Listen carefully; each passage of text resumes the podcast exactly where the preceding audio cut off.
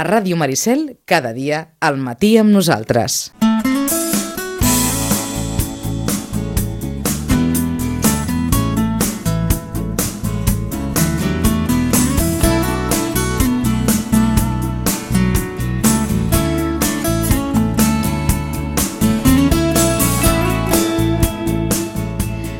L'any passat l'entrevista, la conversa, la vam haver de fer a distància per coses de la pandèmia. Aquest any pot ser presencial. Molt bon dia, Jorge Rodríguez Hidalgo. Hola, molt, molt bon dia, Carola. Et demanaré que t'apropis sí. una miqueta al micròfon, si us plau. Bon dia, Carola. Fa un any parlàvem de que presentaves el teu llibre Bosquejo de Indalecio María i otros apuntes, un llibre amb aquest títol eh, així molt rocambolesc, que espantava una mica d'entrada, però després eren relats eh, d'aspectes de la vida quotidiana bastant més propers del que a priori podíem sospitar amb el títol. I avui en ven, ens vens a presentar, tot i que ja ho ha fet eh, públicament a Sitges, ho va fer dissabte al Casino sí. Prado, el seu darrer llibre, un poemari que es titula En temps inabastable. Inabastable. No és el teu primer poemari, però, eh? No, no, no, és el meu primer poemari en català, en català, però aquest és el publicat, el quart. Eh? Tres en castellà, el primer va ser Humanòdrom, que me'l va presentar fa 25 anys a la Rossinyol en David Jou.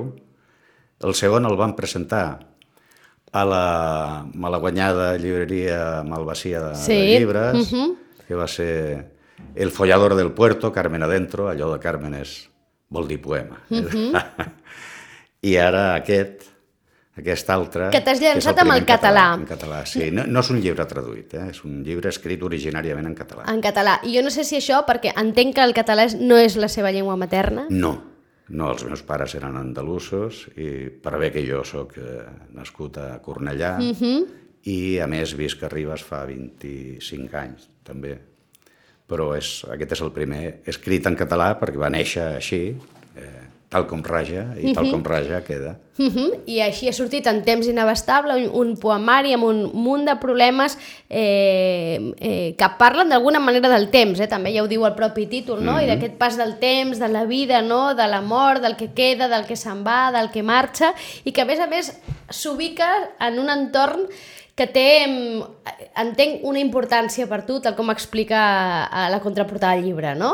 Que és la serralada de Prades. Efectivament, sí, sí. Aquest llibre va néixer a les muntanyes de Prades, on hi anàvem nosaltres, ja vam començar a anar-hi fa uns 20 anys amb els nostres fills per tal d'anar amb unes colònies d'anglès, colònies d'estiu, de l'English Summer, i la primera vegada que baixàvem, després de deixar el, els nens allà a les colònies, doncs ens va colpir aquell paisatge, aquella, aquelles planes meravelloses, eh, baixant de la vila de Prades, al, al Baix Camp, i vaig escriure un poema sobre un sobre de, de cartes que vaig deixar a la guantera del cotxe i fins l'any següent. L'any següent em vaig escriure un altre.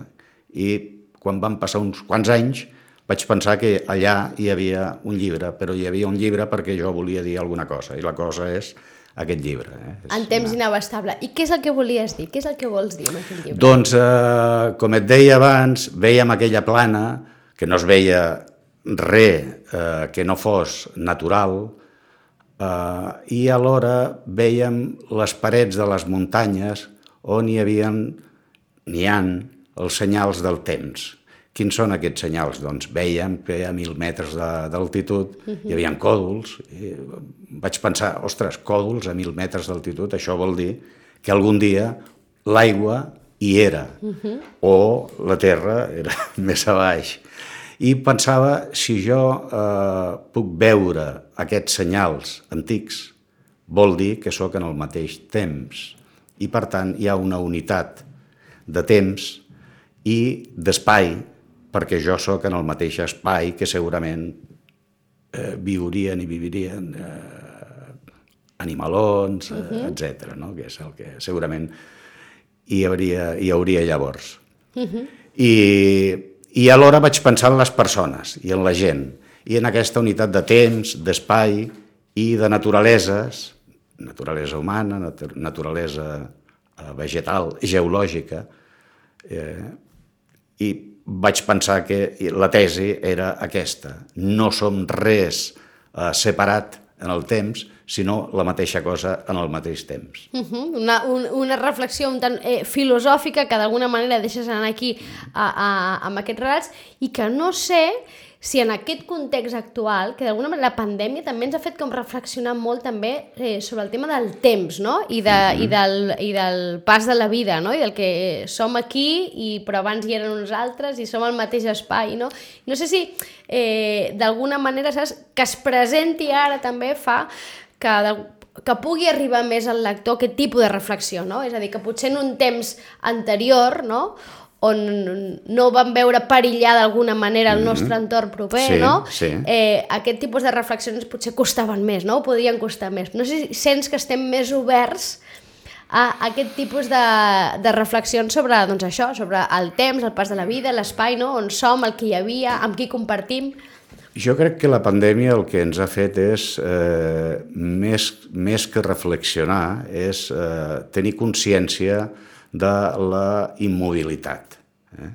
I, eh, I és veritat que eh, en, els, en, en aquests temps moderns entenem la mobilitat com agafar un avió, eh, el tren, el cotxe, però no pensem, eh, eh, com, com per exemple deia Heràclit, eh, allò de el, temps és una cosa que, que no existeix, uh -huh eh, perquè quan un eh, es submergeix eh, en un riu, eh, quan surt, emergeix, ja no és el mateix. I crec que eh, hi ha una por no a, a trobar-nos nosaltres amb nosaltres mateixos, sinó potser a no trobar al nostre voltant allò que volíem. Uh -huh. És per tant el que consideres que és el que d'alguna manera ha, ens ha afectat. No sé si eh, fa la sensació que eh, queda clar que ets un home que li agrada molt llegir, que ets un home eh, eh, molt llegit a, a, en molts àmbits, molt reflexiu, no sé de quina manera també, la, i en aquest cas la poesia, serveix una mica com de eh, teràpia en el sentit de deixar anar tots aquests pensaments que a un eh, li ocupen el cap, no? Jo crec que la poesia és tot allò que queda quan callem perquè estem, eh, de fet, veiem la, la gent que surt a córrer i ho fa amb uns aparells a, a les oïdes eh, el, per, sí. per sentir música i, i, i, i veus aquesta gent pel camp, per exemple, on hi ha els sorolls de la natura, no? El, el, uh -huh. els animals... El, I t'estranya això, no? Que no Anima, escoltin... Clar, clar, clar, clar, clar que m'estranya. I potser segurament això és la, la por que ens tenim a nosaltres mateixos, perquè no ens coneixem. No? L'home més estrany de, eh, de cadascú és un mateix. Eh? És el més llunyà i el més proper alhora. I tenim por, jo crec que tenim por. Ara deies, la poesia és allò que queda quan callem, però no callem gaire, no? Som com una societat això, de callar molt poc i de parlar molt, no? Per això la poesia no, no té gaire predicament, eh? ara per ara. És... Quant de temps vas estar escrivint aquell llibre, en temps inabastable? Doncs va, eh, el primer poema el vaig escriure fa 20 anys. Si fa no fa 20 anys. Aquell poema escrit allà al, al sí. cotxe, no? Eh, després d'aquella sortida serralada de Prades. Exacte, de fet, de fet eh, si vols... Llegeix-lo, eh, i tant. El primer va ser, va ser aquest. Eh? Eh, nosaltres érem dalt de tot de, de la serralada i eh, el vaig titular Serralada de Prades i diu treballa el francolí dins el congost, divideix la vall amb la ferida de la llera i alhora allibera esplugues com a arquitectura suprema. Plou al cim de la serralada, sobremullat plou el riu. El temps s'esmicola en còdols de paciència. La pluja serva la memòria de l'origen i lliura a la carn de la pedra la cruesa del tall mentre s'allunya. Uh -huh. Fa 20 anys vas escriure Fa aquest poema vaig a la Serralada de Prades. Tot allò va, al final ha acabat esdevenint en aquell llibre, però que entenc que per tant, entenc que no s'ha escrit tot d'una tirada, diguéssim. No, no, no, no, no, no ans al contrari. Eh, ja he dit abans que eh, l'any següent em vaig escriure un altre i, i l'altre un altre, fins que vaig tenir consciència que hi havia que jo volia dir alguna cosa o que uh, aquell espai, aquell, aquells temps m'estaven dient alguna cosa i amb aquesta consciència m'hi vaig posar, m'hi vaig posar i amb l'ajut també de la, de la meva dona, la, la, La Pepi. la Pepi del mercat, La Pepi del mercat. que és, que és molt bona fotògrafa, a més, la papeta petita, doncs ella em va fer fotografies també i alguns poemes van sortir de les seves fotografies, perquè ella té també un esguard, una mirada, que jo no en tinc, eh, malauradament, i o sigui que va ser una, una feina simbiòtica. A- Anar a passejar amb vosaltres per la muntanya eh, ha de ser curiós, eh? Un fa fotografies, observa, l'altre eh, escriu, no?, Sí. seus poemes. Tal com ho dius, tal com ho dius, tal, com ho dius. tal sí, qual sí, passa. Sí. I no sé si mai havia passat que us havia frapat tan intensament un paisatge com el de Serralada de no, Prades? No, no, eh, i, i et diré per què. Perquè precisament aquestes contrades, eh, aquelles contrades, eh, no són de les més eh, afamades, les més conegudes de, de, del nostre territori. I, i vam, vam pensar que, ostres, eh, això no surt a la tele, no surt a, eh, no, ningú no en parla, però és preciós. I sobretot hi havia molt de silenci, uh -huh. molt de silenci. Que costa tant de trobar, no?, a, a, a les moltíssim, ciutats i, moltíssim, i, i, sí. a, i als llocs on vivim.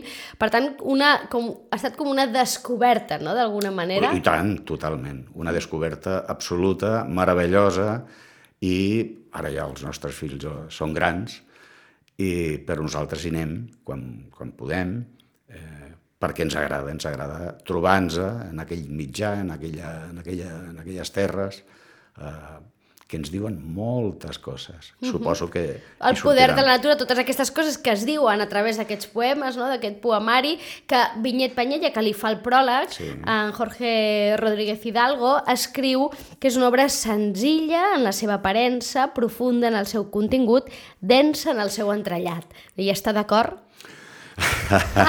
Bé, jo, jo li estic molt agraït eh, tant a na Vinyet com a la poeta Lola Irún, que va escriure el Postfaci, perquè han estat generoses, totes dues. Han dit coses eh, amb, les quals jo hi estic d'acord, però també m'han ensenyat coses que jo no sabia, i que de la seva lectura doncs, n'he tret la- la- l'entrellat. I, però sí, sí, sí, sí, és veritat, sí.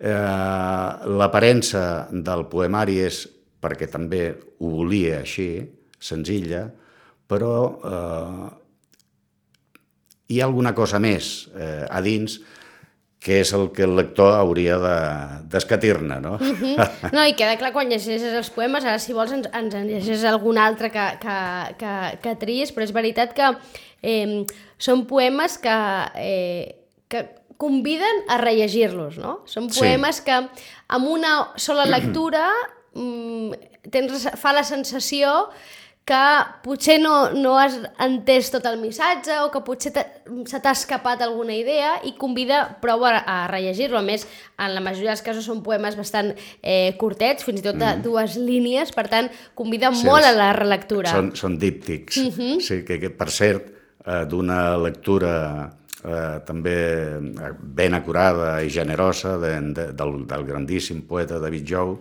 també eh, en resalta precisament els díptics per la seva brevetat, però alhora per la seva eh, profunditat. Jo, jo, volia, jo volia aprofitar perquè, aviam, aquest, aquest, llibre, aquest llibre té un grapat eh, de poemes eh, troncals, eh, del, del qual va sortir després el llibre. Jo els hi vaig donar a llegir el, amb un home, eh, amb una autoritat d'aquesta vila de Sitges, autoritat en, en el llatí, autoritat de, en la cultura en general, que és en Ventura Sella i Barratxina, uh -huh. que fa dues setmanes que ha fet els 95 anys. Sí. I eh, ell em va dir que de la lectura dels poemes eh, ell pensava que no, que, que no resultaven gens carrinclons. Eh, i jo li vaig donar, primer perquè som amics, i segon perquè volia saber si jo estava sent eh, mm, respectuós amb aquesta formosa llengua que és el català, el català literari. Eh? -huh. Era, era la por, la, la por principal abans de publicar aquell Sí, llibre? El, el sí. fet de, de que fos en català, de que... De, perquè és veritat que sí que recordo que en l'entrevista amb l'anterior llibre eh, queda clar que ets un escriptor molt acurat amb la llengua, molt mm. acurat amb el llenguatge, mm. ets precís, eh, eh, les paraules que poses són les que poses perquè sí, és a dir, està molt pensat i molt vigilat i amb Sí. molta cura. I amb el català no sé si això ha estat encara més. Encara més, sí, sí, i tant, i tant que sí, perquè eh, el català, diguem-ne, és la meva llengua d'ús social, sobretot d'ençà que visc a- aquí al, al, al Garraf, però no havia estat llengua eh, literària. Literària. I mm, em feia por, em feia por perquè no m'agrada ensenyar res que no sigui mm, hagi passat la primera censura, que és la meva. Eh? I, efectivament, eh, vaja, crec que me n'he sortit a parer dels entesos i, i estic content, estic content per això. Deies, en Ventura Seia eh, em va dir que no li semblaven gens carrinclons. No sé si és que feia por eh, que potser un cert ús de llenguatge no? Sí. eh, massa precís sonés carrincló, precisament. Sí, sí, sí, i tant, i tant que sí. I més quan, quan es tracten, perquè aquest, aquest és un llibre de, de, de poemes que no és modern en el sentit eh, que eh, ara donem a, a aquesta paraula. Eh? No parlo del, ni del supermercat, ni parlo de, de les coses, diguem allò que, que diríem la uh, poesia de l'experiència, no? Uh -huh. És una poesia més aviat, més aviat intimista, eh, que fa moltes referències a la filosofia, al pensament en general, a la literatura. Eh, de fet, aquí eh, hi han trobat, jo crec que encertadament, tant en David com na Vinyet com eh, na Lola, eh, referències a, a, a la Divina Comèdia, de Dant. al Purgatori Mhm. de Dant, i també a la pujada al món ventós del Petrarca, que va fer amb, amb, amb son germà, Eh, però també és un, són poemes mediterranis que passen per, eh, per l'Ausias March, per Joan Alcover, més recent, eh, etc. I, I poesia, hi ha referència a la poesia eh, en català jove, boníssima, que tenim... Eh, Uh -huh. eh, un llibre que, a més a més, està dividit, no? I has, i has fet com Sí. diferents parts. Eh, Explica'ns una mica aquestes parts. Sí. Eh, el llibre té cinc parts, això jo feia la broma de... de perquè n'hi ha qui diu sis, n'hi ha qui diu cinc mm. més un, mm. com allò de la primitiva, no? Sí. De, de, cinc més un o sis. Bé, són cinc parts, que és una... Com, eh, eh, l'ascensió a Prades, que això és, bueno, ascensió només, uh -huh. eh, la, la troballa a dalt de tot, i es diu la presència en tenebres, que és un cop arribes al cim, no saps ben bé si has arribat en lloc, i si, si has arribat, què és el que has trobat. Uh -huh. Que és una mica la sensació, quan un fa un cim, és la sensació que té, eh?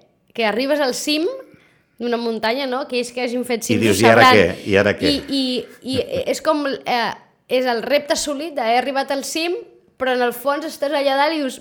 I, i a on he arribat, no? O sigui, és, has arribat, saps que has arribat Sí. a un lloc, que has fet el cim, però Exacte, alhora tens sí. la sensació de que no has arribat en lloc, no? Efectivament. doncs aquesta mateixa idea és la que jo volia reflectir eh, en, en, aquestes, en aquestes parts. Després uh -huh. ve el que jo dic aquí, la baixada a les palpentes, que és precisament per, aquesta, per aquest desconcert de no saber ben bé què és el que ha passat, què és el que ha succeït, vas baixant i llavors eh, passes, i ara tornaré a fer referència a en David Jou, eh, si havies eh, pensat que arribaves a l'infinit, ara baixaves, baixaves, baixaves, i, i, i potser arribaries a l'infinitèsim, no? que, és, que són les tesis que de- d'en David en, en la seva obra. Eh, em deixo la següent part pel final, uh -huh. que és la galeria d'absències. I ja després la tornada amb orfanesa, uh -huh. perquè potser eh, quan hi ets a dalt i en aquell moment no te n'adones, eh, hi eres amb la gent que t'estimaves, amb el teu passat, amb el passat dels teus, i potser també amb la gent que t'estimes i que trobaràs o voldries trobar-te en el futur. I eh, I per tant, com que no tens ben bé clar què és el que ha succeït, la tornada és amb orfanesa. Baixes sol, puges sol uh -huh. i baixes encara més sol. I la Galeria d'Absències volia eh, retre homenatge a, com diu l'epígraf del llibre, eh, que és per als meus morts, natura estimada, doncs eh, són tots morts llevat d'una sola persona, que és en Ventura Sella, com, com he dit abans, encara viu, eh, una persona que, torno a dir, vull retre-li un personalíssim eh, i particular homenatge perquè crec que s'ho mereix.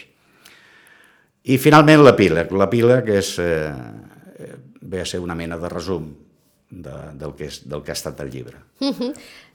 d'alguna manera amb aquestes parts un pot dibuixar una ascensió amb un cim, no? És a dir, Sí, dibuixa sí, sí, clarament sí, la- sí. l'ascens al cim i, i alhora amb aquest ascens al, tim, eh, al cim eh, dibuixa també el pas del temps, no? I parles d'aquestes Mm-hmm. absències, no? En com un, dius, puja sol i baixa sol, sobretot perquè pel camí queden persones, no? Eh, queda gent, fins i tot hi ha un poema eh, Sí. que dediques i parles a la teva mare, no? I per mare, tant sí. també hi ha com una reflexió aquí també de, o, i un record d'alguna manera, no? Eh, aquelles persones que deixem en el camí de la vida, no? Efectivament. Jo, si, si m'ho permets, eh, Endavant. Uh, mira, faré... Uh, crec que, com que parlava de fer l'homenatge en Ventura, uh, és, és una cosa ben petita i aprofitant el, els vostres micròfons, uh, voldria... Aviam, si el trobo per aquí. Aquest és el meu petit homenatge a en Ventura. Eh? I el vaig titular Revelació d'algú Veus, veus, revelació, és a dir, ja, ja arribes a un lloc... Revelació d'algú dins el blau, que és el cel, era un cel preciós, ben blau. Revelació d'algú dins el blau a trenc d'alba, ben d'hora. I per en Ventura Sella i Barratxina, l'home savi i encara viu, afortunadament. Em dius que no ets ningú, o potser només una insignificança. Llavors, per què m'omples així? Per què la grandària de la teva petitesa no hi cap en la meva suposada grandesa? Aquest és el meu particular homenatge amb ell. La... Un exemple d'aquesta galeria d'absències també, que és per ma mare, diu Ascensió a Prades amb ma mare, per anar Conxa Hidalgo Rodríguez. Qui es guarda què? Soc jo o ets tu? Fantasiegen els ulls? Amb sang corpresa d'aquí, de què? De la que corre pel meu riu, que és la seva llavor d'aigua? Dels cims verds que no són de ningú, però que aixequen la memòria que només te'n pertany? Has vist el francolí escapolir-se com una colobra i fer de l'aire un cristall d'humors antics. T'hi has vist fugint, enlairar-te vers un cel que mai no es veu perquè és vegetal cor, ni blau ni vermell, sinó verd translúcid acombullat de remors verticals. Has vist el vol obeir el teu desig, planar per sobre de la llunyedat, desdir la soledat, au d'arrels humanes i ales de saves sàvies. Es guardo amb tu, per tu, sense cap més horitzó que la buscana verdor que ens creix com una llunyania. Potser ens buidem, o potser ens hi caldria parar el que som i fer llucar el que de dins a fora n'hi ha. El que de fora és tant no ens es guarda ni ens espera, però ens hi acompanya com una forest pregona, com una pregària sincera. Que bonic. Haig, d'entendre que quan puja mm, en Jorge Hidalgo, en Jorge Rodríguez Hidalgo cap a, cap a la muntanya va sempre en paper i boli? Jo porto sempre... A... Perquè clar, si li ve la inspiració del, del cim, clar, diu, ostres, bé, ara amb el mòbil pot, un pot fer un àudio, no sé si fa també servir això. faig, també en faig, també en faig i en són testimoni la meva dona i els meus fills perquè quan no, quan no n'emporto el paper Llavors faig una, una nota de veu, De veu. perquè no tinc memòria. I que no tinc memòria l'haig de, m'ho haig de fer d'aquesta manera. Mhm. Per tant, eh, eh, tots aquests poemes, per, per, li, volia, li preguntava per, per això, eh, per, per si això sorgeix realment en aquells moments, en aquestes excursions, en aquests viatges, o allò és una inspiració que un després Ja assegut a casa, amb la calma, no? davant d'un boli, o no sé si és boli o ordinador, el que sigui, doncs un ja redacta d'alguna manera, no? Sí, efectivament. Primer és la idea i després ho treballes perquè els poemes, tot i que no tinguin un aparell, diguem-ne, eh, mètric, eh, a l'ús, etc, però s'ha de treballar ritme, s'ha de treballar el llenguatge, tot. No és el primer poemari eh, que escrius, eh, i jo no sé si eh, la, po és a dir, la poesia expressa diferent de la prosa? La poesia expressa diferent de la, de, de la És a dir, hi ha sí, coses sí. que, no es, que, que han de ser poesia, s'han d'explicar en poesia, sí o sí. Jo crec que sí, perquè eh, te n'explicaré una, una que acostumem a, ens acostuma a passar quan anem per les vinyes, eh, quan han fet la poda. Nosaltres sempre diem, i és veritat, hi ha algun poema per, per aquí fins i tot, eh, eh, diem, mira, ja veig el vi. Perquè, clar, i veus allà el cep, però... De vegades s'ensuma, eh? Però, però hi de ha el vegades vi, s'ensuma. hi ha el vi, perquè veus tot el procés, perquè és, és una cosa, és allò de la unitat del temps i, i de l'espai, és una cosa que per bé que encara no està passant, ja ha passat fins i tot. No és que passarà, sinó que ja ha passat fins i tot. I, i sí, sí, Per tant, la poesia és el canal, no? Eh, fins i tot Vinyer Panyella no diu que és una eina de salvació, no? Diu aquí en el, a, a, en el pròleg del llibre que és una Sí. eina de salvació a la condició humana, eh? I l'altre dia ho va tornar, ho va, ho va tornar a repetir a, a la presentació al, al Casino Parado i és veritat, eh, vaja, amb, tem, amb els temps que estan que vivim, amb les guerres i parlar de salvació en aquest sentit d'una manera, diguem-ne, metafòrica o poètica o com sembla una, una frivolitat fins i tot, no? Però jo crec que sí, perquè eh, la gran revolució que tenim pendent els homes és la individual, la pròpia. Si no donem de nosaltres el millor, difícilment donarem res a ningú. I, i crec que aquesta feina, aquesta tasca, l'hem de fer eh, mm, encara tots. És mirar-nos cap endins, el nostre sí més pregon, i, i, en fi, i conèixer-nos. I No? conèixer-nos, no? I d'alguna manera doncs, eh, és el que fa a, en Jorge Rodríguez Hidalgo amb aquell llibre, no? En temps inabastable, fer mirar-se endins no? des d'aquestes muntanyes de Prades, no? inspirar-se en aquest escenari eh, de, que, que ofereix la natura, que és eh, meravellós i que és immens i que et fa sentir tan petit alhora, no? que la natura I té tant. aquesta capacitat de mm, col·locar-nos ràpid a lloc Sí. i recordar-nos que som una espurneta en un univers enorme, no? Efectivament, però, però en formem part, per tant. Eh? Eh, tot i així, en formem part. I aquesta, aquesta grandesa, aquesta, eh, aquest espai extraordinari, aquesta naturalesa que creiem que és aliena a nosaltres, és la nostra naturalesa també.